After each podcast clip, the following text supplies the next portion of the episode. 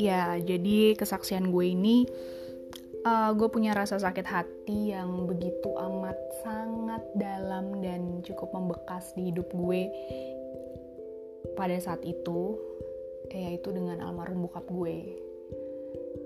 Karena gue uh, tidak terima dengan apa yang dia lakukan gue gue nggak bisa apa ya gue nggak bisa sepaham lah sama dia.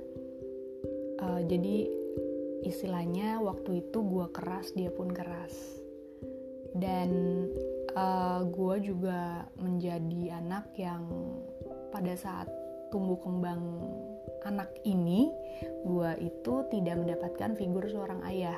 Jadi gue uh, harusnya itu kan lengkap uh, ayah dan ibu gitu ketika anak itu tumbuh kembang. Tapi uh, gue kehilangan itu. Yang gue tahu adalah mama mama mama dan mama. Semuanya serba mama. Jadi ya gue sangat deket banget sama nyokap gue mungkin memang rada berbeda lah ya hubungannya gue sama nyokap gue dan ungkapan kasih gue dengan nyokap gue tuh pasti rada beda dengan anak-anak biasanya ya ya itu gitu karena sebegitu deketnya dan ya ya gue nggak bisa kasih tahu apa yang gue rasain karena uh, nanti jadinya melo banget.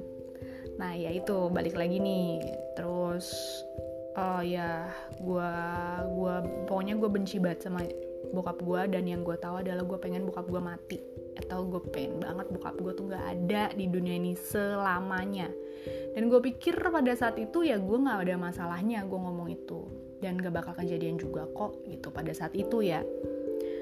Uh, ya gue ya cukup parah juga sih cukup ekstrim sih gue sampai ngomong kayak gitu. Dan please banget teman-teman jangan ditiru.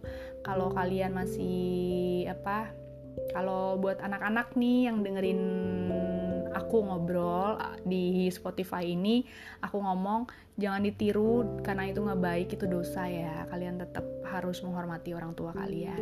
Ini hanya ceritaku dan aku ingin berbagi dari apa yang aku dapat.